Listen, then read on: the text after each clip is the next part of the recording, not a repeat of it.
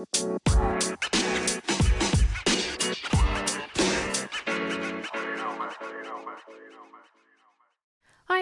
mijn naam is Janneke en welkom bij mijn Positief met Pubers podcast. De podcast waarin ik elke week vragen van ouders beantwoord over het opvoeden van pubers. Iets wat ik geweldig vind en waar ik gewoon heel blij van word. Ik denk graag met je mee, geef je concrete suggesties die je direct kan toepassen in jouw situatie. Mijn doel met deze podcast is jou te inspireren en te triggeren om anders te gaan kijken naar je puber, anders te gaan praten tegen je puber en anders om te gaan met puberproblemen. Heb je zelf een keer een vraag of een suggestie? Ze zijn altijd welkom. Je kan me vinden op Instagram op Janneke underscore, je pubercoach, of stuur mij een mailtje via info.conductien.nl. Nou, gaan gauw naar de podcast, aflevering van vandaag. Veel luisterplezier. Lieve groet. Hey, hey, wat leuk dat je weer luistert. Allereerst een heel gelukkig nieuwjaar. Ik hoop dat je een goed oud en nieuw hebt gehad en dat je uh, weer zin hebt om deze maandag uh, te beginnen. En, super tof dat je dan ook weer gelijk af, afstemt op, op deze podcast. Dat vind ik leuk, tenminste als je op maandag luistert natuurlijk. Nou, mijn oude nieuw was heel gezellig. Ik, uh, we zijn begonnen hier met een aantal vrienden van Peter. Peter vierde zijn verjaardag is dit jaar, nou ja, tweede kerstdag 40 geworden. En vierde dat oud, ja, oud en nieuw, dat doen we elk jaar zodat we ook gewoon direct een plek hebben om met z'n allen te gaan zitten. En uh, na twaalf zijn we naar buiten gegaan en stonden de buren. En uiteindelijk zijn we bij de buren geland. Het was super gezellig. Om drie uur uh, ben ik uiteindelijk naar bed gegaan. Ik geloof dat Peter het nog iets later had gemaakt. Maar het was super leuk. Dus ik hoop dat jullie het net zo leuk hebben gehad als mij. En dat je nu weer met een deze week bent begonnen. En er weer zin in hebt. Ik in ieder geval wel. Dus beginnen met deze podcast. Voordat ik ga beginnen met de vraag van deze week wil ik nog even terugkomen op de podcast van vorige week donderdag over uh, drugsgebruik en hoe jij erin staat. Ik ontving een tip van de ouder die ik echt zo waardevol vond en die ik heel graag met jullie wil delen, omdat het jullie ook weer kan helpen. Ze schreef, en ik lees het even voor. Uh, ga voor- en nadelen van het gebruik van bijvoorbeeld blowen met je puber uh, samen opschrijven of laat het door je puber opschrijven. Dus laat ze onderzoek doen, research op internet, desnoods samen. Kijk wat drugs met je kan doen, zowel voordelen als nadelen, en bespreek de resultaten met elkaar. Op deze manier kan je puber zelf de conclusies trekken en zijn mening vormen. Dus ja, weet je, deze vond ik eigenlijk heel waardevol, want wanneer je samen optrekt, kun je ook gaan kijken, oké, maar hoe reageert mijn puber? En kun je al zoekende met elkaar kijken. Oké, maar wat is een voordeel, wat is een nadeel? Waarom is het een voordeel? Waarom is het een nadeel? Wat, wat vindt jouw puber daarvan? Zonder daar je eigen oordeel over te geven. En bespreek dat met elkaar. En daaruit zal, zul je ook merken dat je puber denkt: ja, weet je, ja, is leuk en is gezellig. En er zitten een paar leuke dingen aan, maar er zitten ook een aantal grote dingen aan. Met name het verslavingsgevoeligheid en het invloed op het brein. Maar dat kom je dan achter als je op internet gaat zoeken. Dus deze tip wilde ik je nog even geven voordat ik ga beginnen. Nou ja, op naar de vraag van vandaag. Een aantal dagen geleden, nou ja, eigenlijk vorig jaar, want dat klinkt gewoon veel leuker, mocht ik op de valrit nog een bijdrage leveren aan een artikel aan de Telegraaf. Dit heb ik vaker gedaan, dat vind ik altijd hartstikke leuk om te doen. Dus toen de journalist mij weer benaderde, dacht ik, ach ja, weet je, dat doe ik, vind ik leuk. En, en nou ja, ook de casus vond ik heel erg leuk. Dus nou, een opvoedadvies. Deze ga ik vandaag met jullie delen. Daar ga ik natuurlijk uitgebreid antwoord op geven, veel uitgebreider dan in dat artikel staat. Mede, en niet alleen omdat ik dat gedeeld heb, maar mede ook omdat uh, het advies en de vraag die ik kreeg overlap had met een aantal opmerkingen en vragen die ik van jullie kreeg uh, toen uh, op dat Facebook bericht en Instagram bericht wat ik gestuurd heb. Dus hoe je je puber in beweging kan krijgen of hoe je door je, tot je puber door kan dringen uh, als het gaat om opruimen, de was, hygiëne, schoonmaken, dat soort dingen. Dus die twee die kon ik nu heel mooi met elkaar combineren. Nou, de vraag die ik ontving van de journalist was de volgende. Deze lees ik even voor, daarna geef ik jullie advies. Mijn kinderen van 13 en 16 weigeren ook maar iets bij te dragen aan het huishouden. Ik probeer hen bij te brengen dat het belangrijk is dat ze meehelpen en dat ik het zou waarderen als ze mij iets zouden ontlasten. Maar ze gedragen zich als een koning en een koningin. Alleen al het dekken van de tafel is te veel. Ze zuchten, ze steunen, ze klagen. Ze beweren dat ze op hun leeftijd bezig moeten zijn met hun huiswerk in plaats van dat ze het huishouden moeten helpen. Maar zo zie ik het niet. Ik ben bang dat ze opgroeien als luie mensen en dat het steeds erger wordt. Hoe breng ik hen een beetje discipline bij? Zo gek is het toch niet wat ik van hen vraag? Mijn advies, want ik had er uiteraard een mening over, ga ik met jullie delen. Maar dan in de uitgebreide versie. Oké, komt-ie. Wat ik deze moeder en wat ik de journalist in de instantie heb gezegd is dat ja, deze moeder heeft gelijk, weet je. Iedereen in huis kan een steentje bijdragen aan het huishouden. Dus ook kinderen. En ja, mijn kinderen zijn nu, ja, hoe moet ik zeggen, acht en bijna zes. En die doen ook, die zetten hun na het eten hun bordje op het aanrecht. Die gooien hun kleren in de was en die, die zorgen dat de schoenen uitgaan bij op de mat zodra ze thuiskomen. Die wassen hun handen als ze thuiskomen of voor het, in ieder geval voor het eten, naar het toilet gaan, dat soort dingen. Dus we zijn gewoon hier in huis een aantal afspraken over persoonlijke hygiëne. En daar houden ze zich aan, want dat zit er al vanaf jongs af aan in. Dus dat is gewoon heel belangrijk. Want er zal een moment komen dat ze zelf verantwoordelijkheid, verantwoordelijk worden voor hun eigen huishouden. Dus het is belangrijk dat ze dan al wel weten wat ze moeten doen. Als ik naar mezelf kijk, ik moest heel eerlijk zeggen, ik wist niet hoe een wasmachine werkte toen ik ging samenwonen. Peter gelukkig wel.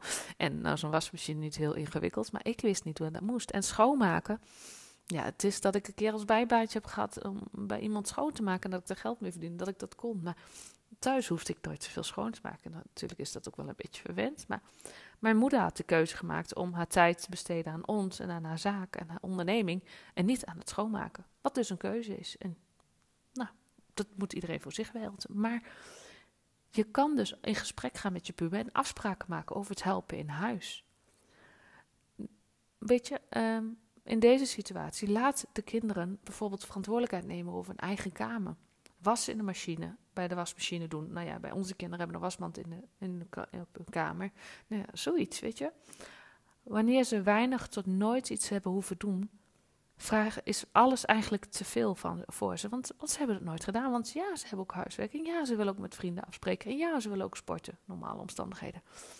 Dat is ook belangrijk. Net als bijdragen in het huishouden de verantwoordelijkheid voor hun luiheid ligt, of luiheid, weet je, ze doen niks. Dus of dat dan lui is, maar ze hebben nooit wat hoeven doen. Dus ik noem het nog wel even luiheid. Maar ze hebben eigenlijk niet zoveel hoeven doen. Maar wiens, als je dan de schuld toegeeft, maar wiens verantwoordelijkheid is dat? Dat is toch die van de moeder. Die moeder zegt dat ze bang is dat ze opgroeien als luie mensen. Maar daar draagt ze zelf ook natuurlijk aan bij. Zij heeft waarschijnlijk, opmakend uit dit verhaal, niet zo vaak uh, hun kinderen wat gevraagd om bij te dragen. Dus wanneer je je kinderen niets vraagt, zullen ze ook niets doen. Discipline brengen, bijbrengen kan prima, zolang je daar maar duidelijke afspraken over maakt. Iedereen moet zich aan die afspraken houden. Dus als moeder zijnde of als ouder zijnde ook. En dat begint zelfs bij jou als ouder. Wanneer jij altijd alles maar doet voor je kinderen en zij nooit wat hebben hoeven doen, moet je nu ook niet verwachten dat ze in één keer alles gaan doen. Dat werkt niet. En dat, dat zou je zelf ook niet pikken. En dat, weet je, als je dat wel van ze vraagt, is dat een garantie voor problemen. Dus het begint bij de moeder. En eigenlijk had ze, zoals ik al net al zei, eigenlijk had ze al veel eerder moeten beginnen, mee moeten beginnen. Maar daar heeft ze nu niks aan. En dat zal ook niet helpen als ik dat tegen haar zou zeggen. Als ik dat tegen jou zou zeggen, van, ah, weet je wat je, ja, daar heb je nu niks mee. Je bent nu, je bent niet meer uh, vorig jaar of drie jaar geleden. Dus belangrijk is daarom dat ze gedoseerd de verantwoordelijkheid bij de kinderen neerlegt. Dus begin bijvoorbeeld met de verantwoordelijkheid voor de eigen kamer en de was. Hun kamer, hun verantwoordelijkheid.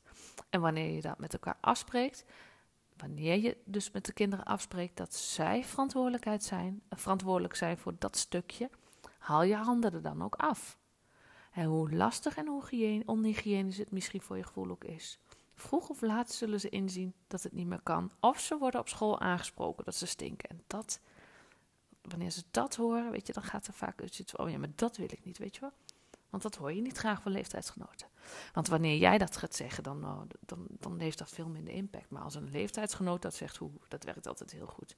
Zul je ook merken als je zoon of dochter een, eh, een vriendje vriendinnetje krijgt dan is in één keer persoonlijke hygiëne ook een stuk belangrijker. Dan, dan ruiken ze meer en dan, dan, doen ze er net wat meer aan. Het werkt altijd heel goed. Vind je het, om even terug te gaan naar de vraag, vind je het te ver gaan dat, een, dat, en het risico dat je het risico loopt dat de Kamer een, een, een vuilnisbelt wordt en gezondheidstechnisch niet meer verantwoord is. Spreek dan af dat je bijvoorbeeld op vrijdag of op nou ja, in ieder geval een dag in de week de kamer schoonmaakt en dat dan alles wat op de grond ligt belandt in de vuilniszak of op bed. Maar maak er duidelijke afspraken over. En houd je aan die afspraken en verbind je de consequenties aan. En dat is echt key, echt waar. Wanneer jij je consequent in bent en wanneer jij je aan deze afspraak houdt, zal je merken dat dit resultaat geeft. Ook al gaan ze moeilijk doen, ook al gaan ze die discussie opzoeken, ook al gaan ze slijmen, ook al worden ze heel verdrietig. wanneer jij je aan de gemaakte afspraken te houden, zullen zij gaan meebewegen. En wat betreft die consequenties, wanneer jij hun kamer laat voor wat het is, zullen ze de consequenties snel genoeg ervaren. Ook hier geldt weer wat ik vaker zeg: pubers hebben vaak die win-win nodig. Je puber zal pas in actie komen als het voor hen wat oplevert of als het hen pijn doet. En pijn dan even tussen haakjes. Want ik denk wel dat je weet wat ik ermee bedoel. Niet de, echte pijn, maar pijn van oké, dit werkt in mijn nadeel. En als laatst, waarom is dit belangrijk? Waarom is het belangrijk dat je puber ook gaat bijdragen aan het huishouden en verantwoordelijk wordt voor dingen? Wanneer zij dit leren, wanneer zij deze vaardigheden trainen, het verantwoordelijkheid nemen, het bijdragen, het, het meedoen in een huishouden. Op deze manier dragen ze een steentje bij en leren ze vaardigheden waar ze de rest van hun leven gewoon wat mee kunnen. En ik denk dat dat heel belangrijk is en daar kun je niet vroeg genoeg mee beginnen. Drie waren ze bij ons.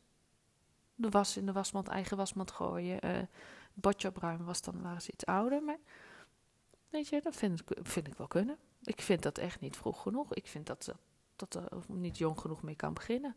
Is voor jullie misschien nu een beetje te laat. Maar mochten ze nooit wat gedaan hebben, begin er gewoon mee. Met hun kamer. Weet je, dat is hun domein. Dat willen ze toch al vaak niet dat je daar komt. Hun kamer, hun verantwoordelijkheid. Nou, ik hoop dat je er weer wat mee kan. En ik hoop dat je weer wat kan met mijn advies, mijn mening. en dat het je inzicht geeft.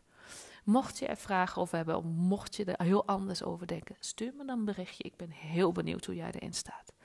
En uiteraard ook voor andere vragen. Welk onderwerp dan ook, stuur me een berichtje. Ik vind het leuk om wat van jullie te horen. En zoals je weet, zonder jullie input kan ik geen podcast maken. En voor de zekerheid, wanneer je mij een vraag stelt, vraag ik je altijd of ik jouw vraag mag gebruiken voor de podcast. Ik zou dat nooit zonder jouw toestemming doen. Mag ik ook deze week nog één ding van je vragen? Op Spotify kun je niet heel gemakkelijk een review achterlaten. Je hoeft alleen maar sterren aan te klikken, meer niet. Je zou me daar heel erg mee helpen. Als je dat voor mij wil doen. En het liefst zoveel mogelijk sterren. Hoe waardevol je vindt. Oh nee, die zin klopt niet. Maakt niet uit. Ik zou het super tof vinden dat je voor mij sterren achterlaat. Daar gaat het om. Daar help je mij enorm mee. En daar help je mij niet alleen mee. Je helpt ook mijn podcast ermee. Want hoe meer sterren mijn podcast krijgt, hoe meer reviews mijn podcast krijgt, hoe eerder die gezien wordt door andere ouders. En hoe meer ouders ik daarmee kan bereiken. Want dat is wat ik het liefste doe. Zoveel mogelijk ouders, en met name pubers, een fijnere puberteit bezorgen. Dankjewel weer voor het luisteren vandaag. Ik wens jou een hele fijne dag. En we spreken elkaar gauw weer. Doei doei!